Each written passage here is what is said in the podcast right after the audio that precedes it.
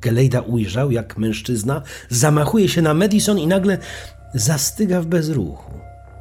Chwycił więc stojącą na stole cukiernicę i odbiwszy się od kanapy, skoczył na przeciwnika. Ciężka cukiernica trafiła go w głowę i Gelejda usłyszał nieprzyjemne trzaśnięcie. Chwilę potem z rozbitej głowy zaczęła ściekać czarna, oleista ciecz. Monstrum odwróciło się powoli w stronę Francisa. Wyglądało jak żywy trup. E, szybko! Za mną! Musimy uciekać! Stanley podniósł się z ziemi. Szybko! Zanim nas zabiją! Gelejdy nie trzeba było długo namawiać. Złapał za ręce hrabinę i Madison i rzucił się w stronę przejścia do kolejnego wagonu. Pozostałe monstra stały nieruchomo i pustymi oczami przypatrywały się całej scenie. Hrabina energicznie podążyła za Gelejdą, starając się za wszelką cenę nie spojrzeć na to coś, co przed chwilą rzuciło się na Madison. Czuła bijące od tego zło i obcą, złowrogą aurę, która przeszyła ją dreszczem. Pragnęła jak najszybciej się stąd wydostać. Żałowała, że nie ma z nimi jezuity. Podobnie jak hrabina, Madison także od razu ruszyła za Gelejdą. W tym samym momencie poczuła jednak, jak dłonie monstrum zaciskają się na jej ramieniu niczym imadło i z dziecinną łatwością zatrzymują ją w miejscu. Ułamku sekundy potwór obrócił ją i zbliżył swoją zimną, uchwyconą w śmiertelnym grymasie twarz. Madison próbowała się wyrwać. W amoku biła monstrum pięściami, jednak nie robiło to na nim żadnego wrażenia. Myśl, myśl, powtarzała w głowie, wymieniając kolejne uderzenia. Nieumarła istota otworzyła nagle usta i wbiła się nimi w twarz Madison. Po wagonie rozniósł się mrożący krew w żyłach. Wrzask. Jezuita zgiął się w pół z bólu. Poczuł całą niewypowiedzianą okropność nekrotycznego pocałunku, którego ofiarą padła właśnie Riley. Di Frascimento widział, jak żyły agentki wypełnia czarna, zepsuta krew, a świetlisty całun jej duszy pruje się, rozdzierany diabelskim pazurem. Panie, Odezwał się drżącym głosem, oszołomiony bólem, który niespodziewanie sam poczuł. ty, który gotów byłeś ocalić całe miasto przez wgląd na jednego sprawiedliwego, spójrz łaskawie na moją prośbę i ocal to życie. Nagle wokół ojca zaczęły wirować czarne jęzory ognia. Buchając piekielnym żarem, owinęły się wokół szyi i rąk jezuity. Paliły go żywym ogniem, wgryzały się w ciało. Di Frascimento jednak siłą swojej woli cały czas w skupieniu powtarzał słowa modlitwy, zawierzając Madison i siebie boskiemu miłosierdziu. Madison krzyczała. Czuła, jak monstrum wpycha jej do gardła zimny, obślizły jęzor. Próbowała się wyrwać, jednak żelazny uścisk był zbyt silny, aby mogła się wydostać. Szeroko otwartymi, przestraszonymi oczami patrzyła w twarz swojego kata. Była sina, blada, martwa. W jego białych oczach ujrzała swoją własną śmierć. Hrabina krzyczała. Chciała przestać, ale wrzask przerażenia sam, bez jej woli wydobywał się z gardła. Przerażona patrzyła, jak to coś wysysa z Madison życie. Chciała zareagować. Chciała podbiec i spróbować ją uwolnić. Nie mogła jednak się ruszyć. Widziała, że słabnie. Madison wisiała bezwiednie w rękach potwora, który niczym pijawka karmił się jej ciepłem. Gelejda krzyczał. Trzymając w dłoni szpikulec do lodu, ruszył na ratunek Madison. Gdy był już blisko i niemal zamachnął się na nieumarłe monstrum, stało się coś niewytłumaczalnego. Potwór nagle jakby zapadł się w sobie, a jego głowa przekręciła się z głośnym chrupnięciem. Piekielny uścisk zelżał i Madison w ostatniej chwili odsunęła się od monstrum, które nagle zawisło w powietrzu, jakby chwycone niewidzialną dłonią, a następnie z impetem roztrzaskało się o podłogę. Za mną! Szybko! Usłyszeli krzyk Stanleya. Gelejda chwycił Madison i zaczął biec w stronę wyjścia. Po drodze złapał jeszcze osłupiałą hrabinę i wyminąwszy dwa pozostałe monstra, wbiegli do kolejnego wagonu. Ciężko dysząc, popatrzyli na Stanleya, który nerwowo rozglądał się po korytarzu. Agentko Riley, czy wszystko w porządku? Madison powoli odwróciła się w stronę hrabiny. W jej oczach Lady Apperton dostrzegła pustkę, która dopiero po chwili rozjarzyła się blaskiem życia. Agentka skinęła powoli głową. Była oszołomiona i ciężko było jej oddychać. Przed oczami wciąż widziała gębę tamtego piekielnego monstrum, czuła bijące od niej zło i paraliżujący chłód. Powoli, bardzo powoli odzyskiwała przytomność umysłu. Mów jak stąd wyjść! Francis rzucił się na Stanleya, który odruchowo się skulił. Ja nie wiem! Ja nie wiem! Zapiszczał. Gdybym wiedział, to przecież by mnie tu nie było! Musimy się schować! Widzicie? On zjadł własnego syna! Randolph Alexis zjadł własnego pierworodnego! Wszyscy zrobili wielkie oczy i w tym samym momencie ujrzeli stojącą na końcu korytarza postać. Powoli ruszyła w ich stronę, ciągnąc za sobą okropnie wyglądającą siekierę. To on! piszczał Stanley, nerwowo przeskakując z nogi na nogę, aż w końcu skoczył do przedziału obok. Kogo my tu mamy? Witam Państwa serdecznie. Usłyszeli elegancki, lekko kpiący głos. Co dzisiaj zaoferuje nam niezastąpiony szef kuchni? Nowe, świeże mięsko. Jakie to ekscytujące. Zarechotał obłąkańczo. Mężczyzna ubrany był w wytarte brązowe spodnie, zachlapane czarne pantofle i koszulę z podwiniętymi rękawami, która kiedyś musiała być biała. Teraz zdobiły ją czerwone plamy i odpryski, które hrabinie i pozostałym jednoznacznie kojarzyły się z krwią. Mężczyzna miał zaczesane do tyłu włosy i zakręcony, starannie wypielęgnowany wąs, pod którym nerwowo drżały wąskie usta. Randolph spojrzał na nich dzikim wzrokiem szaleńca. Przechylił głowę na bok i wyszczerzył zęby w kierunku hrabiny. Szlachetne mięsko. Zaśmiał się głośno, a następnie uniósł nad głowę zakrwawioną siekierę i zamachnął się na hrabinę. Lady Upperton w ostatniej chwili uniknęła ciosu, który z pewnością by ją zabił. Madison i Galeida odskoczyli od szaleńca i wyczekiwali jego kolejnego ruchu. Polowaneczko. Zachichotał i ponownie rzucił się na hrabinę. Zamachnął się potężnie i siekiera wbiła się tuż nad jej głową. Lady Upperton krzyknęła przerażona i runęła do tyłu, lądując na podłodze przedziału. Oczy Randolfa rozbłysły złym blaskiem. Gelejda z furią rzucił się na kanibala. Przez chwilę dwaj mężczyźni siłowali się ze sobą. Madison widziała, jak twarz Gelejdy pokrywa sieć pulsujących żył. Słyszała zgrzytanie zębów, gdy próbował powalić przeciwnika na ziemię. Panie Gelejda, bij go pan! Krzyknęła i zamarła. Na prowadzące do wagonu drzwi napierały od zewnątrz dwa monstra. Waliły w nie rękoma i głowami. Nie mamy dużo czasu, pomyślała i błyskawicznie zanurkowała do przedziału. Po chwili podstawiła pod drzwi rozkładane krzesło. Gdy się odwróciła, Gelejda pojękując leżał na ziemi, a Randolph Alexis stał nad hrabiną, okrakiem. Nad głową trzymał się kierę. Ojcze? Ojcze? Czy, czy wszystko w porządku? Di Frascimento usłyszał zaniepokojony głos pani Atkins, która delikatnie złapała go za łokieć. Tak, tak, siostro. Medytuję. Chwila refleksji, nic więcej. Próbował ją spławić. Nie, nie, nie! Znowu! Znowu to samo! Pani Atkins krzyknęła na widok buchających z mieszkania kłębów pary. Gdzie. Gdzie są ojca? Ko koledzy? Gdzie baronowa? W środku. Ja, jak, jak tak to, to trzeba ich stamtąd jak najszybciej wyciągać. Dom mi, dom mi puszczą z dymem. Staruszka już niemal wchodziła do środka, gdy poczuła na ramieniu ciężką dłoń jezuity. Nerwowo odwróciła się w jego stronę, z przygotowaną na końcu języka ripostą, jednak y, zamarła. Ojciec Di Frascimento spoglądał na nią zamkniętymi oczami, a spod powiek wylewało się na zewnątrz delikatne, jaśniejące światło.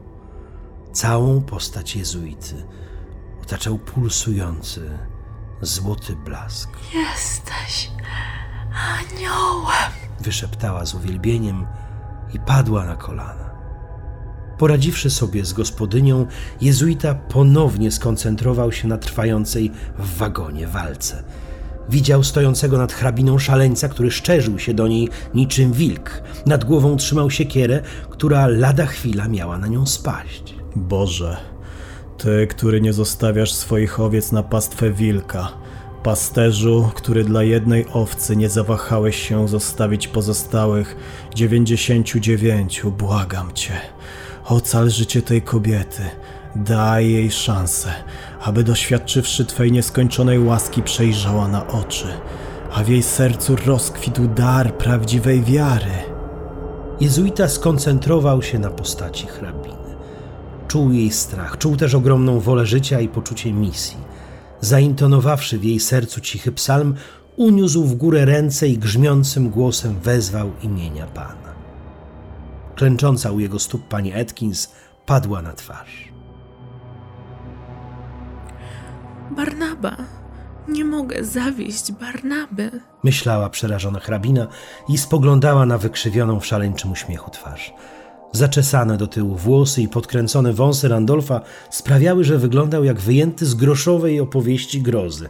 Siekiera, którą trzymał nad głową, była jednak prawdziwa. Hrabina zasłoniła twarz drżącymi rękami, ale po chwili przestała, zrozumiawszy absurdalność tego gestu. Spojrzawszy w oczy śmierci, pozostanę dumna i niewzruszona. Postanowiła. Od czego zaczynamy? Skrzydełko, nóżka, uszko. Śpiewaj tu, moja duszko. Hrabina zrozumiała, że to koniec. Była gotowa zamknąć oczy i po prostu czekać na śmierć. Lecz w tej samej chwili poczuła, jak jej serce nagle wypełnia odwaga i pewność, że nie wszystko jeszcze stracone. Odwróciła głowę i ujrzała leżącą pod siedzeniem siekierę. Chwyciła ją i w tej samej chwili siekiera opadła ze świstem. W ostatniej sekundzie hrabina uniknęła ciosu, odturlała się na bok, błyskawicznie stanęła na nogach i z całą mocą zagłębiła siekierę w plecach nieznajomego.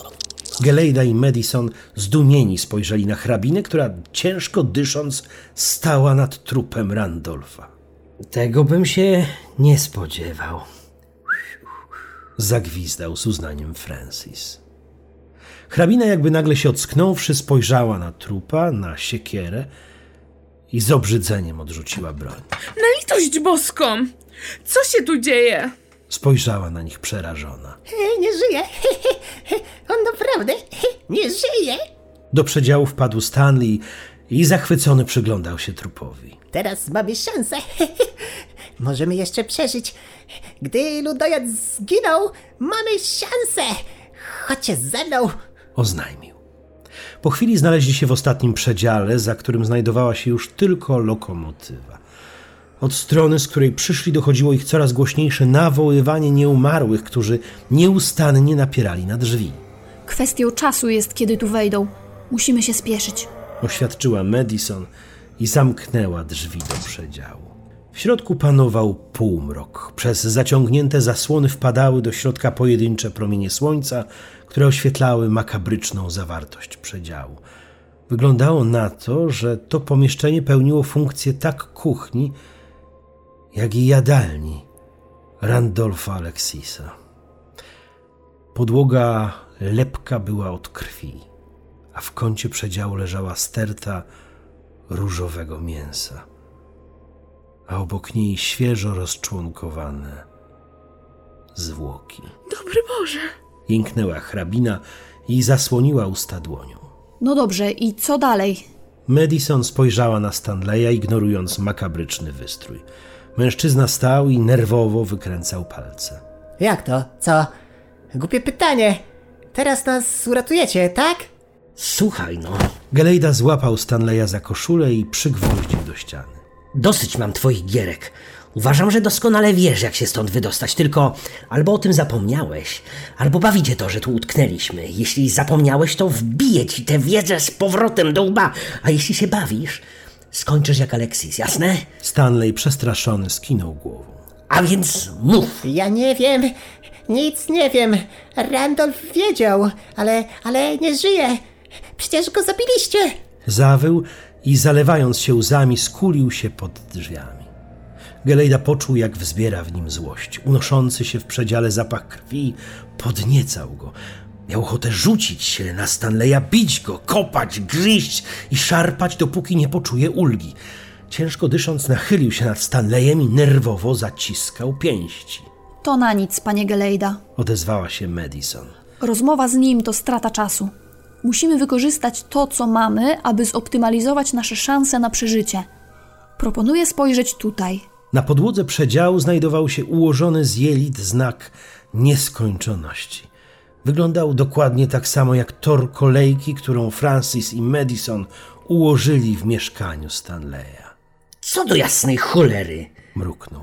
Wygląda to dosyć dziwacznie, racja. Wydaje mi się, co następuje. Jelita ułożone w znak nieskończoności symbolizują trwającą nieustannie podróż. Pytanie jednak, gdzie nasz wagonik? Jeśli go znajdziemy, to być może uda nam się odwrócić efekt tego czegoś zaklęcia, mechanizmu, projekcji, zwał jak zwał. Odezwała się rzeczowo Madison. Chyba znalazłam. Hrabina schyliła się i wyjęła z pod siedzenia pokrytą śluzem szkatułkę, a następnie wręczyła ją Madison. Agentka otworzyła ją ostrożnie.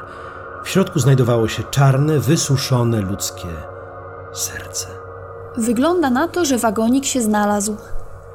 Teraz potrzebujemy instrukcji, jak postąpić dalej.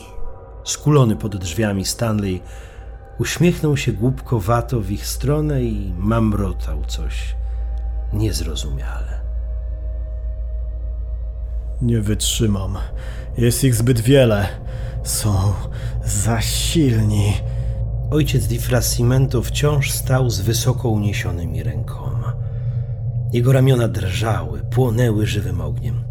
Ból, jaki czuł w ramionach, w karku i rękach, był niemal nie do wytrzymania.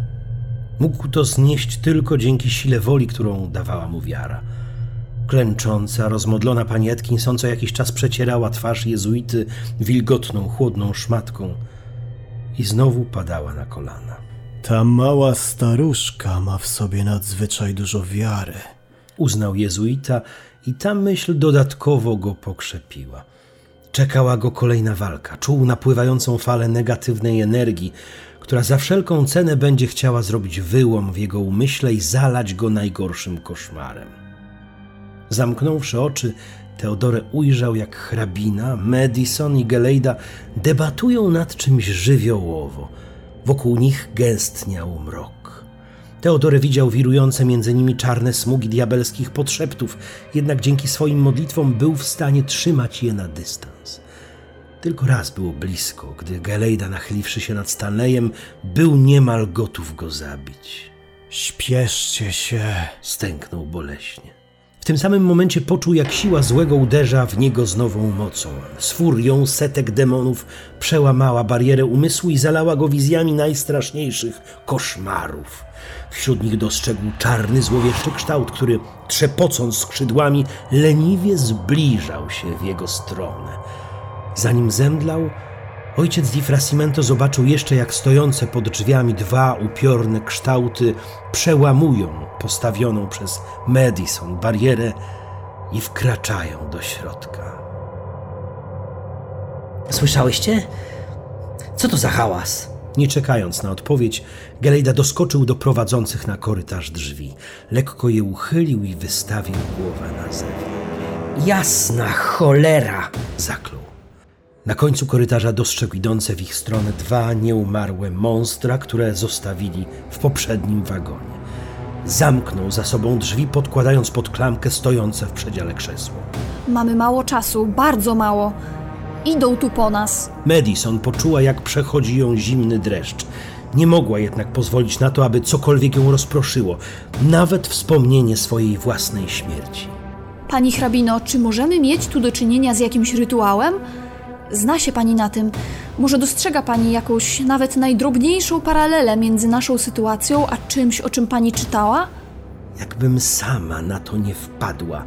Zezłościła się w myślach hrabina i rozłożyła bezradnie ręce. Nigdy w życiu nie czytała o czymś, co mogłoby być chociaż odrobinę podobne do tego. Chwileczkę. A to? Co? Hrabina podążyła wzrokiem za ręką agentki i dostrzegła wypisaną na suficie krwią inskrypcję. Litery zlewały się ze sobą, były rozmazane i nieczytelne. Niewątpliwie jednak znalazły się tam intencjonalnie i składały się w jedną całość. Szybko! Mamy mało czasu. Syknął przyklejony do drzwi Gelejda. Są już bardzo, bardzo blisko. Serce przesunąć po linii jelit. Przeczytała hrabina, nie ukrywając obrzydzenia. Słucham? Dobrze słyszałaś, Madison. Serce przesunąć po linii jelit. Tak tu jest napisane. Tak, tak, dobrze. Serce na jelita. Tak, tak, rytuał. Zaklęcie. Szybko, ratujcie nas. Ludojad też tak robił. Nie zwlekając dłużej, Madison chwyciła zaszczerniałe serce i ostrożnie poprowadziła je po linii jelit. Raz, drugi, trzeci. Nic się jednak nie wydarzyło. No i co? Rozejrzała się pytająco i w tej samej chwili coś potężnie uderzyło w drzwi, zostawiając w nich pokaźną szczelinę. Stojący przy nich Gelejda uskoczył przed pazurzastymi dłońmi, które niczym macki wdarły się do środka i bezskutecznie zaciskały czarne, szponiaste palce. Może przejedź nim w drugą stronę. Zaproponowała hrabina, ściskając w dłoniach siekierę. Madison zgodziła się i bez słowa zrobiła, co zasugerowała Lady Apperton. Nic się nie stało. To on! On wie, co powinniśmy zrobić. Gelejda chwycił Stanleya za ramiona i uderzył nim o drzwi tak, że jego twarz znalazła się tuż przy wyłomie. Zakończone czarnymi pazurami dłonie uderzały o twarz Stanleya, który zaniósł się rozpaczliwym szlochem. Ja nic nie wiem! Naprawdę! Jestem ofiarą jak i wy! Ludojad wiedział, ale go zabiliście! Sercem przesunąć po jelitach! Sercem przesunąć! Wrzeszczał. Madison raz jeszcze złapała za serce i energicznie przesunęła nim po linii jelit. Nagle wagon zadrżał i poczuli, że pędzą teraz z niesamowitą prędkością. Chwilę później dostrzegli przez szparę w zasłonach pojedynczy, eksplodujący z siłą setek bomb błysk. Ich uszu doszło pojedyncze, przeciągłe pogwizdywanie lokomotywy. Chyba się udało. Gelejda puścił Stanleya, który bezwiednie upadł na podłogę i odsunął zasłony. Za oknem dostrzegł rozsiane tu i ówdzie domy i zagrody oraz zabłocone jałowe pola Anglii. Udało się. Naprawdę się udało. Krzyknął, wychyliwszy głowę przez okno. Nie cieszył się jednak długo. W ich stronę z naprzeciwka zmierzała rozpędzona lokomotywa. Nie. To niemożliwe. Wyszeptał i zrezygnowany opadł na kanapę. Zginiemy. Po prostu. Po prostu zginiemy. Zaśmiał się histerycznie. Hrabina i Madison z zaciekawieniem wyjrzały przez okno. Faktycznie nieciekawie. Zgodziła się Lady Apperton. Panie Gelejda, Zagrzmiała nad reporterem Madison. kto jak kto, ale pan, dziennikarz śledczy, złote dziecko prawdziwej bomby, nie może się poddać. Kto to później opisze? Taki materiał. Jest pan to winny swoim wiernym czytelnikom, swoim fanom. Proszę brać się w garść. Natychmiast. Francis, zawstydzony reprymendą, błyskawicznie podniósł się z kanapy. Faktycznie, taka historia, pomimo że niesamowita i zapewne nikt w nią nie uwierzy, mogłaby stać się szkieletem jakiejś fantastycznej powieści. Muszę to przeżyć, zadecydował i ruszył w kierunku drzwi przedziału. Do maszynowni. Musimy iść do maszynowni. Tam na pewno jest jakiś mechanizm, który zatrzyma nasz pociąg. Tak to chyba jest skonstruowane. Zatem w drogę. Odparła Madison. Gelejda potężnym kopnięciem otworzył drzwi, które niemal wypadły z zawiasów. Na zewnątrz, tuż pod drzwiami, kłębiło się kilka zawodzących bezmyślnie stworów, które zaskoczone odskoczyły od drzwi. Wykorzystując chwilową przewagę, hrabina Apperton zamachnęła się siekierą, aby utrzymać bestię na dystans. Przy pokrzykiwaniu Madison Cała czwórka ruszyła korytarzem w kierunku lokomotywy. Na jego końcu, tuż przed drzwiami, stała pojedyncza bestia. Zgarbiona, przyglądała się im pustymi oczami, rytmicznie zaciskając szponiaste dłonie. Dalej, panie Gelejda. Ponaglała Madison. Wyminiemy tego stwora i jesteśmy na miejscu.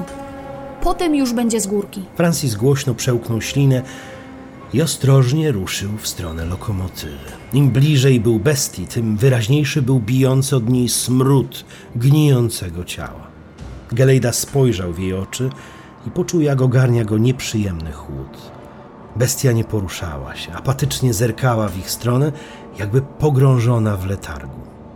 Teraz albo nigdy, zadecydował Gelejda i jednym susem prześliznął się obok bestii, a za nim Madison, Riley i Stanley. Wszedłszy do lokomotywy, zatrzasnęli za sobą obite żelazem drzwi i przekręcili zamek. Przed sobą mieli trzy dźwignie.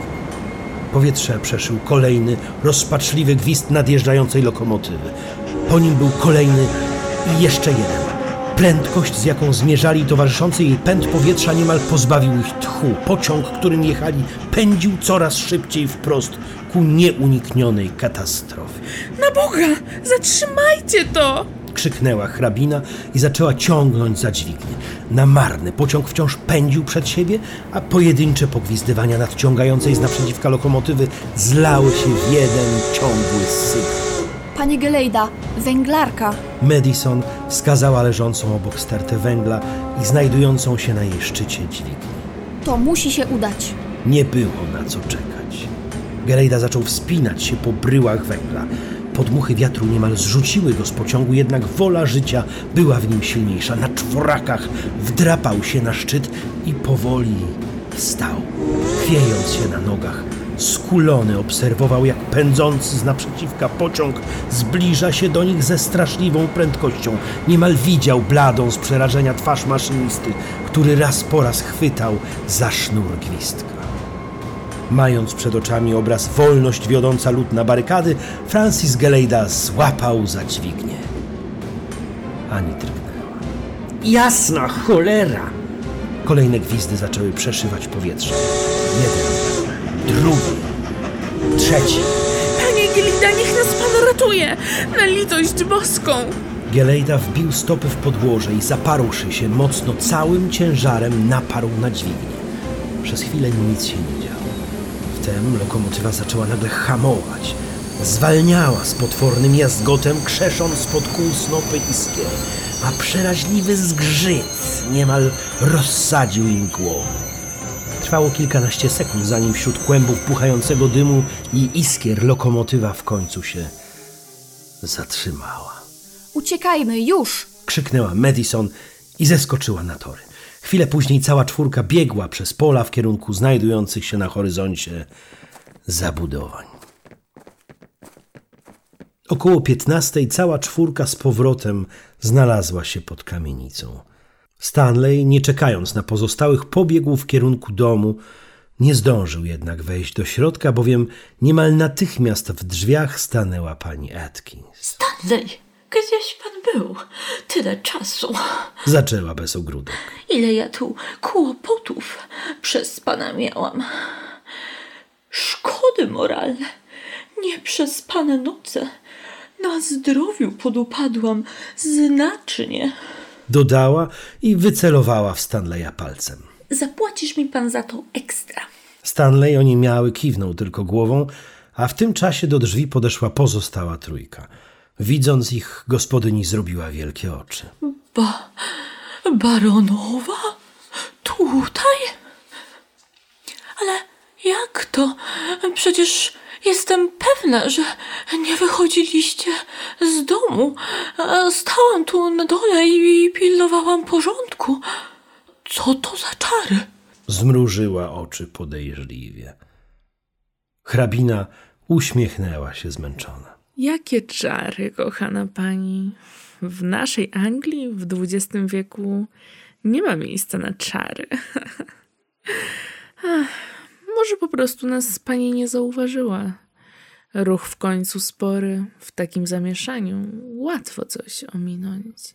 Gospodyni nie wydawała się być przekonana, ale w końcu machnęła ręką. Po księdza żeście przyszli? O, gorzej się poczuł. Biedaczek. Pewnie myślał, żeście zniknęli. Jak i ten. Wycelowała palcem w Stanleya, który rzucił się w górę po schodach. A Położyłam go spać i do rzemie. Anioł, anioł, nie człowiek. Budzić? Jeśli byłaby pani tak miła. Skinęła głową hrabina. Gospodyni poszła po jezuitę, a Gelejda, Madison i hrabina ruszyli za Stanleyem do jego mieszkania. Wewnątrz panował taki sam bałagan jak poprzednio. Kolejka znajdowała się w miejscu, w którym rozłożyli ją Francis i Madison. W mieszkaniu było gorąco, jakby ktoś postawił w nim hutniczy piec. Niemożliwe! Niemożliwe! Stanley rozejrzał się po pomieszczeniu i złapał się za głowę. Co ja teraz zrobię? Jak ja to wyremontuję? Przejechał palcem po ścianie. Wszystko jest w sadze. To wy. To wszystko wasza wina. Odwrócił się w stronę hrabiny.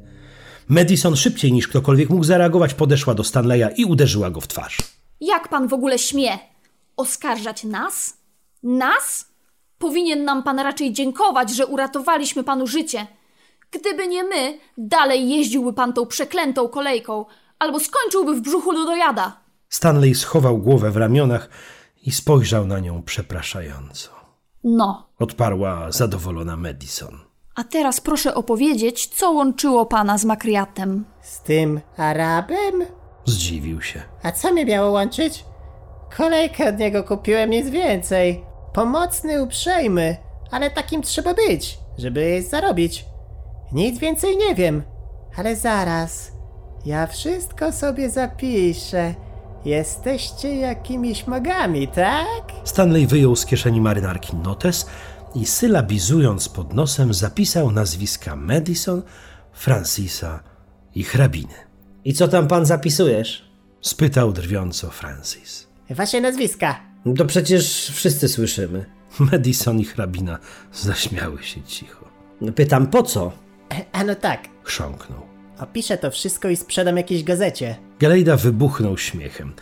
Stanley spojrzał na niego pytająco. Kochany panie Stanleyu, tak się składa, że pracuję w prawdziwej bombie i proszę mi wierzyć, że opiszę to lepiej od pana. Z suspensem, z biglem, z dramatycznymi zwrotami akcji. Zrobię to ze smakiem, a pan wyłożysz po prostu kawę na ławę. Ja, ja podam nazwiska. I co dalej? Proszę mi powiedzieć. Ale zanim pan odpowie, podsunę panu wskazówkę. Komu ludzie zaufają? Członkowi Stowarzyszenia Kolejek, czy poważnemu dziennikarzowi, hrabinie lub agentce od zadań specjalnych? Stanley pobladł i zrezygnowany odłożył notes. No dobrze. Odparł smutno. Ale z czym w ogóle mieliśmy tu do czynienia? Osobiście uważam, że kolejka jest czymś w rodzaju projektora wyposażonego w funkcję miniaturyzacji obiektów. Może w wyniku błędu urządzenia zostaliśmy zamknięci w tej kolejce? Odpowiedziała Madison. Nonsens. Do pokoju wszedł ojciec Di Frascimento. Krocząca krok w krok za jezuitą pani Atkinson wpatrywała się w niego jak w święty obrazek. Teodore wyglądał na zmęczonego, jednocześnie biła od niego pewność siebie, jakiej jeszcze u jezuity nie widzieli. Dobrze księdza widzieć. Ucieszyła się hrabina. Mamy tyle rzeczy do opowiedzenia. Ależ nie trzeba. Odparł poważnym tonem. Wszystko widziałem. Francis zrobił wielkie oczy. Tak, panie Gelejda. Czuwałem nad wami, gdy wy, zamknięci w tej piekielnej pułapce, walczyliście o życie.